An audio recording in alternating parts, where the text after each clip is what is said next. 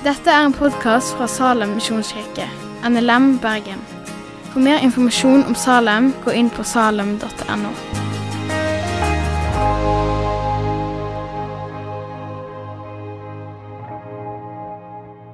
Tusen takk at jeg fikk lov til å komme, eller ble invitert til å si litt i dag. Jeg har fått tema misjon, eh, og det skal jeg komme litt sånn innpå etter hvert. Eh, det var litt sånn info, kanskje inspirasjon, siden vi nå er så mange ute og greier. Eh, og så er det et utgangspunkt for det jeg ønsker å dele med dere. Eh, og jeg har lyst til å si litt om det å være et eh, misjonalt fellesskap. Eh, et fellesskap som ønsker å nå lenger ut enn bare innafor disse veggene, f.eks. Eh, og det handler selvfølgelig mye om også det som jeg nettopp snakka om, misjon. At fell, altså, eh, vårt misjonsarbeid da, ut i verden det vil aldri bli bedre enn fellesskapet i Norge. Altså der Utgangspunktet vårt er fellesskapene i Norge. Som er med på å sende, og som gir, og som ber. og alt dette her. Det er utgangspunktet for at Kirken, den verdensvide kirke, kan drive misjon, som den alltid har gjort. Eh, kjære far, jeg har lyst til å legge det jeg skal si, i dine allmektige hender. Eh, må du Takk for at du er midt iblant oss, far. Og vi legger denne eh, kvelden i dine allmektige hender. Amen. Som jeg nevnte, så har jeg en sønn. Han heter eh, Anton. Og han uh, har mot sin vilje holdt jeg på å si, blitt en del av vår lille kjernefamilie. Der hadde han ikke mye valg. Han har blitt en del av oss. Det er hans fellesskap. Eh, og så er det et fellesskap eh, Jeg blir litt stressa av det. Eh, men det skal jo litt til da, før han liksom vraker oss som fellesskap. Vi smelte fingeren hans i bildøra forrige uke. Da var han veldig, var han veldig nærme i å vrake oss. kan jeg røpe. Men utover det så det er, Han er et fellesskap han har blitt en del av. Og så har Han som, han er bare to år, og han har om han vil eller ikke, også blitt en del av et kirkefellesskap. Han har blitt en del av kirken. Eh, og Det kan også bli litt sånn stressa. Og Det er også et fellesskap som man kanskje kan vrake litt fortere. Eh, og det er han jo helt fri til å gjøre uten at det skal gi han noe store Jeg skal ikke jakte han ned av den grunn. Men også derfor så ber jeg for han hver kveld Kjære Gud, nå må du bevare Anton. For Jeg vil jo at han skal også være en del av fellesskapet. Jeg skal være med å bygge fellesskap som Anton vil trives i når han vokser opp.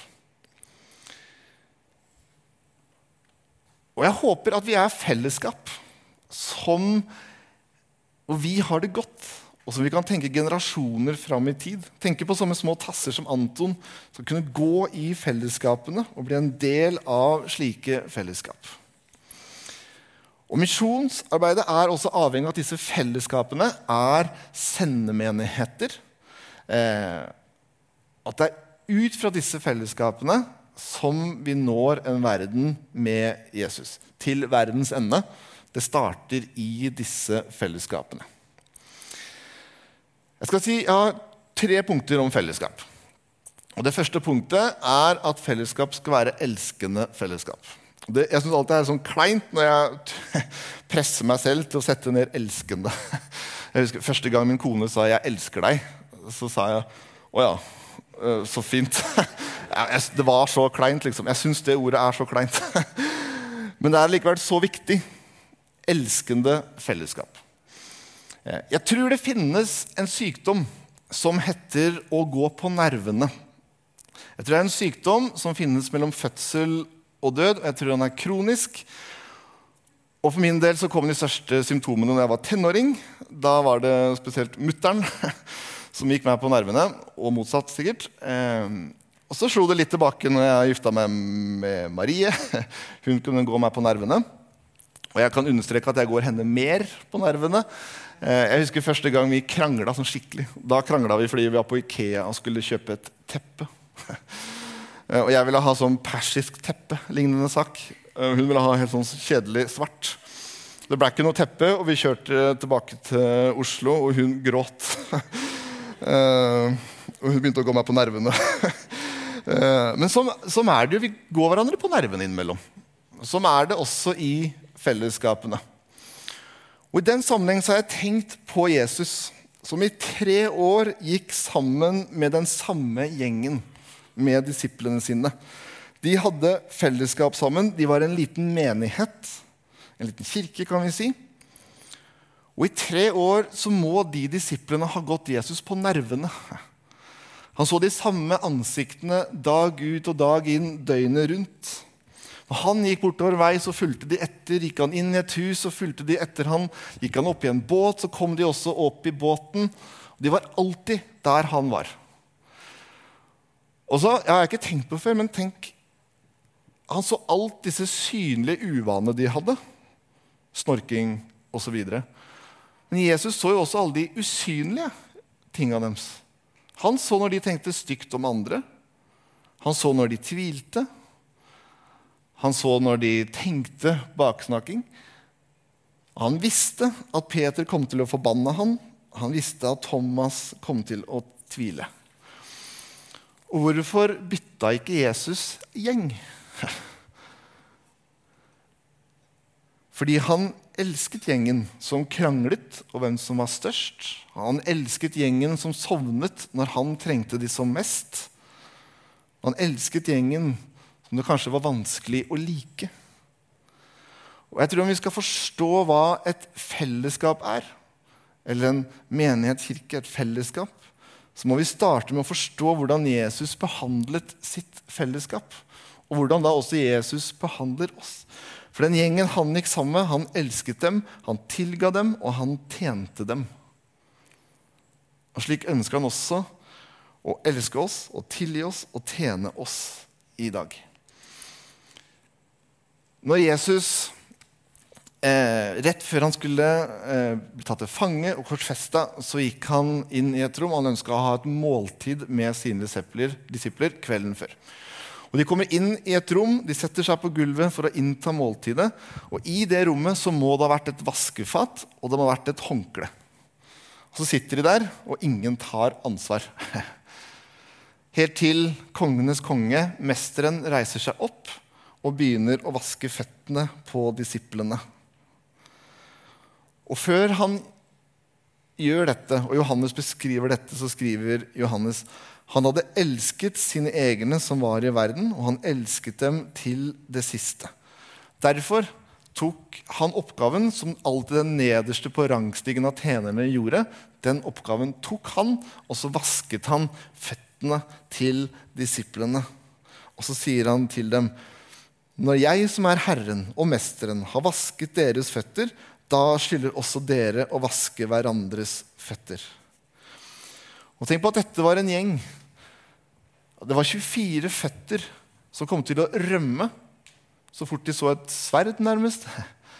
Det var to føtter som kom til å forbanne han, det var to føtter som kom til å tvile på han. Og det står ingen plass at han hoppa over Judas når han vaska føttene. Jesus vasket alles føtter. Og Jeg tror det handla om én han ønska å vise dem at han ville tjene dem, og at han elsket dem. Og så ville han også vise dem at det finnes tilgivelse for det de snart skulle finne på å gjøre, sånn som Peter f.eks. Han viste dem tilgivelsen før de skulle gjøre det.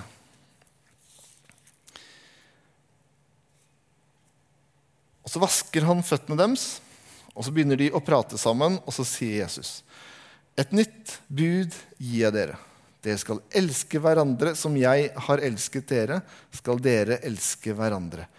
Ved dette skal alle forstå at dere er mine disipler, at dere har kjærlighet til hverandre. Som et forbilde for oss så er det også vi skal elske hverandre og tjene hverandre. Og så er vi mange her inne og tenker liksom, det blir kanskje litt sånn mange jeg skal tjene på en gang. Men jeg tror det handler om å starte de små, nære relasjonene. Og det tror de små bekkene som til sammen blir den fossen av et tjenende fellesskap som man kan være her inne.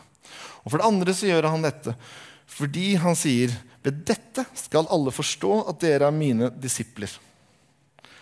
Og da begynner vi å nærme oss at vi skal være et misjonerende fellesskap.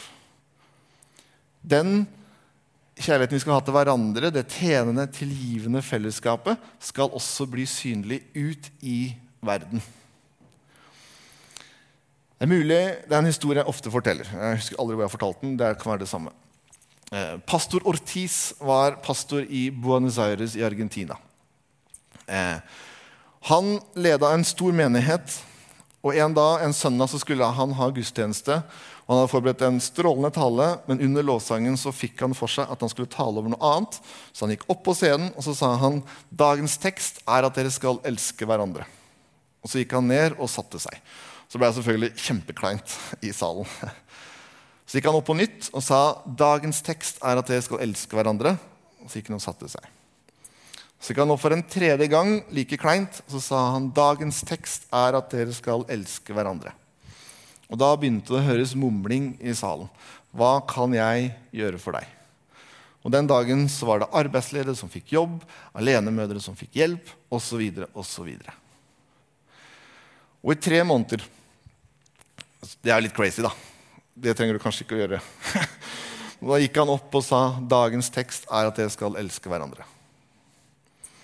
Etter tre måneder så sa han jeg har en ny tekst. Da ble det hallelujastemning i menigheten så sa han dagens tekst er at vi skal elske vår nabo. Så gikk han og satte seg. Så var det teksten i tre måneder. Og I etterkant av dette, når han forteller dette pastor Ortiz, så sier han de tre første månedene endra menigheten. De tre neste månedene endra nabolaget. Vi skal være et elskende fellesskap, men det skal også ut i verden. Jeg liker å bruke og det er mitt andre poeng, begrepet et gående fellesskap. Vi skal være et gående fellesskap. Vi skal være et misjonerende fellesskap som går ut. Slik at verden skal se den kjærligheten vi har fått fra Gud. Når jeg leser Bibelen for Anton, eh, da må jeg stort sett peke på bilder, og så må jeg prøve å dramatisere det. Eh, han, ja, han skjønner ikke så mye. Eh, og Hans favoritthistorie er den om gjeteren som finner den sauen som har gått bort. Og Da eh, peker jeg på bildene og sånn da, og prøver å fortelle. Og når jeg kommer da til når jeg sier liksom, ah, så fant han sauen oppi buskene, da krabber Anton opp på skuldra mi, og så må jeg gå med han rundt i stua, og så breker han. og så dramatiserer vi, da, går vi liksom sånn, og så breker han, da. det er én side av Jesus som hyrde og gjeter. Å finne den ene og ha omsorg for den ene, så er det et forbilde for oss som fellesskap. Og Så er det en annen side av Jesus som gjeter, og den finner vi i Johannes 10. Eh, og jeg skal lese. Det står portvokteren åpner for ham, og sauene hører stemmen hans. Han kaller sine egne ved navn. Og der kunne kanskje teksten ha slutta. Og det ville kanskje vært det hyggeligste for oss. At Jesus kommer inn, Han kjennes, vi kjenner stemmen hans, og det er hyggelig, og det er koselig, og det er kaffe, og det er vafler. Og det er kjempestemning. Men så fortsetter Jesus når han forteller denne lignelsen med følgende. Og han fører dem ut. Og når han har fått ut alle sine, går han foran dem, og sauene følger ham, for de kjenner stemmen hans.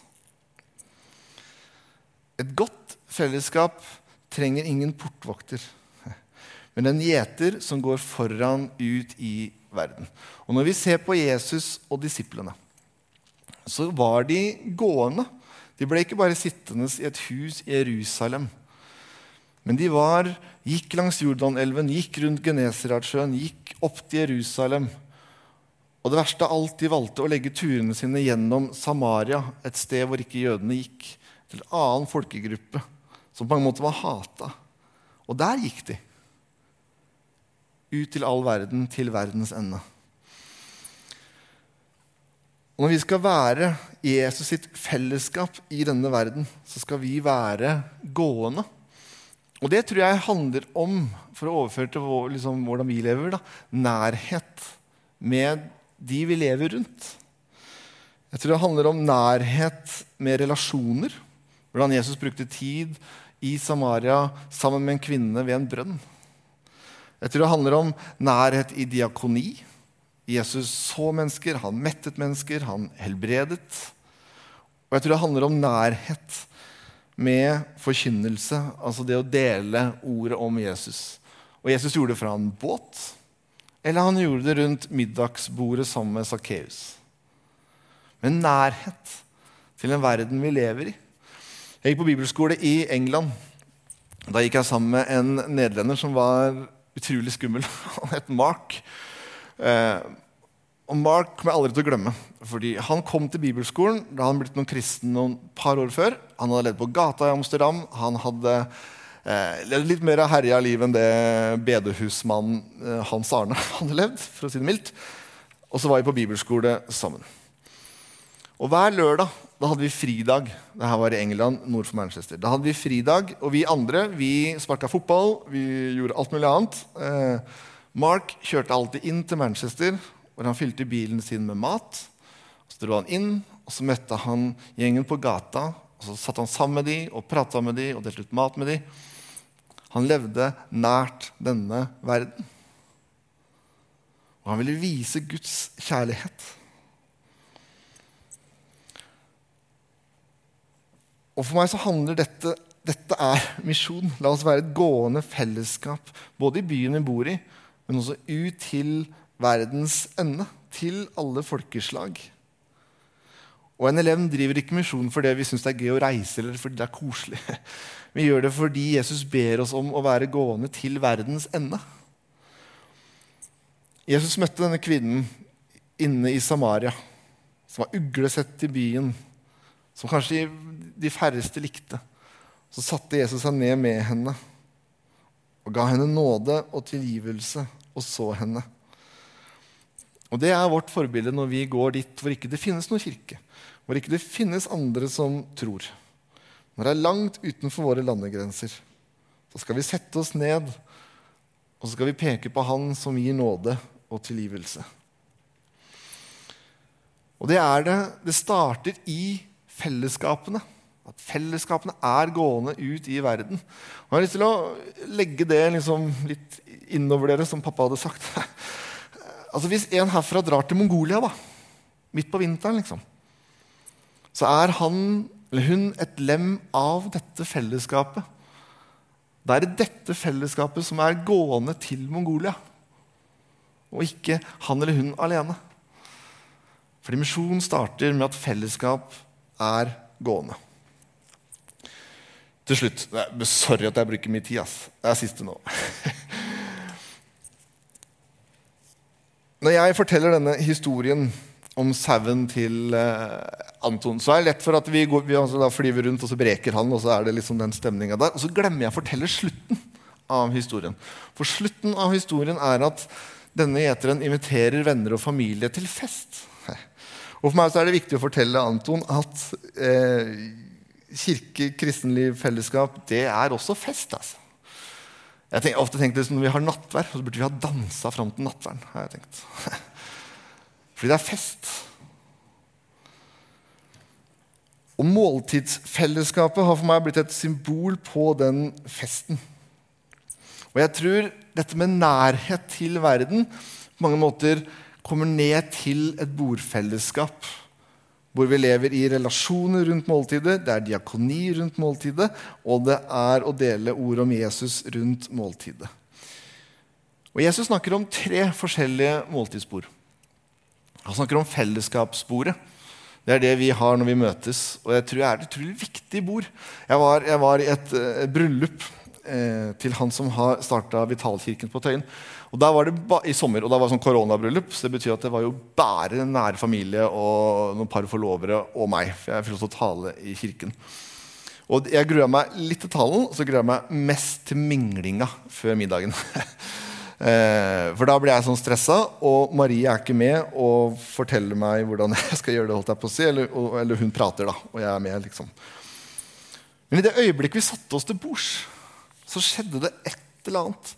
En Eh, plutselig så er det en vi-følelse. Plutselig så er jeg en del av dem, og det blir oss. Og ikke dem og jeg. Og det skjer noe rundt måltidet. Det blir vi. Og det blir en nærhet. Og derfor tror jeg at Jesus stifta nattverden rundt et måltidsfellesskap. For når vi ser på Jesus' liv, så spiste han med mennesker. Han spiste med tollere, han spiste med fariseere, han spiste med prostituerte. Og han brukte måltidet til å dele sitt ord om seg. Og så innstifta han det andre måltidsbordet, nattverdsbordet. Fordi et fellesskap det handler ja og mellom oss og ut i verden. Men så er det en dimensjon som går opp. Opp til Gud. Opp til Han. Og i nattverden, når vi mottar Hans eh, legeme og blod, Hans tilgivelse og nåde, så blir vi en del av Hans himmelske bord. Og jeg liker å si hvis jeg leker med bilder, så liker jeg å si at nattverdsbordet er et bord som går straka av veien rett inn i himmelen. For det tredje bordet er det bordet vi skal sitte rundt i en evighet i himmelen. Vi skal litt annet sitte rundt det bordet der, holdt jeg på å si. Men slik beskrives himmelen det som et festmåltid sammen med Jesus. Og et måltidsbord med alle folkeslag som skal være rundt det bordet. Og misjon handler om å invitere til det bordet. Det himmelske festbordet sammen med Jesus. Derfor samles vi rundt måltidsbordet. Vi inviterer til nattverdsbordet fordi det handler om en evighet sammen med vår frelser. Yes. La oss be. Da kan sikkert også lovsangen få lov til å starte. Himmelske Far, vi har lyst til å eh, be at du må velsigne dette fellesskapet, Gud. Jeg ber om at det må bli et fellesskap som tjener, og som eh, elsker, og som bryr seg, og som ser hverandre, far. Jeg ber om at dette fellesskapet kan være et fellesskap som er gående, Gud. Gående med nærhet i relasjoner, far i diakoni og i å dele ord om deg, far. Det ber jeg om i ditt navn. Amen. Takk for at du har hørt på podkasten fra Salem, Bergen. I Salem vil vi vinne, bevare, utruste og sende. Til Guds ære. Vi ønsker å se mennesker finne fellesskap, møte Jesus og bli disippelgjort her i Bergen og i resten av verden. Vil du vite mer om oss, gå inn på salem.no.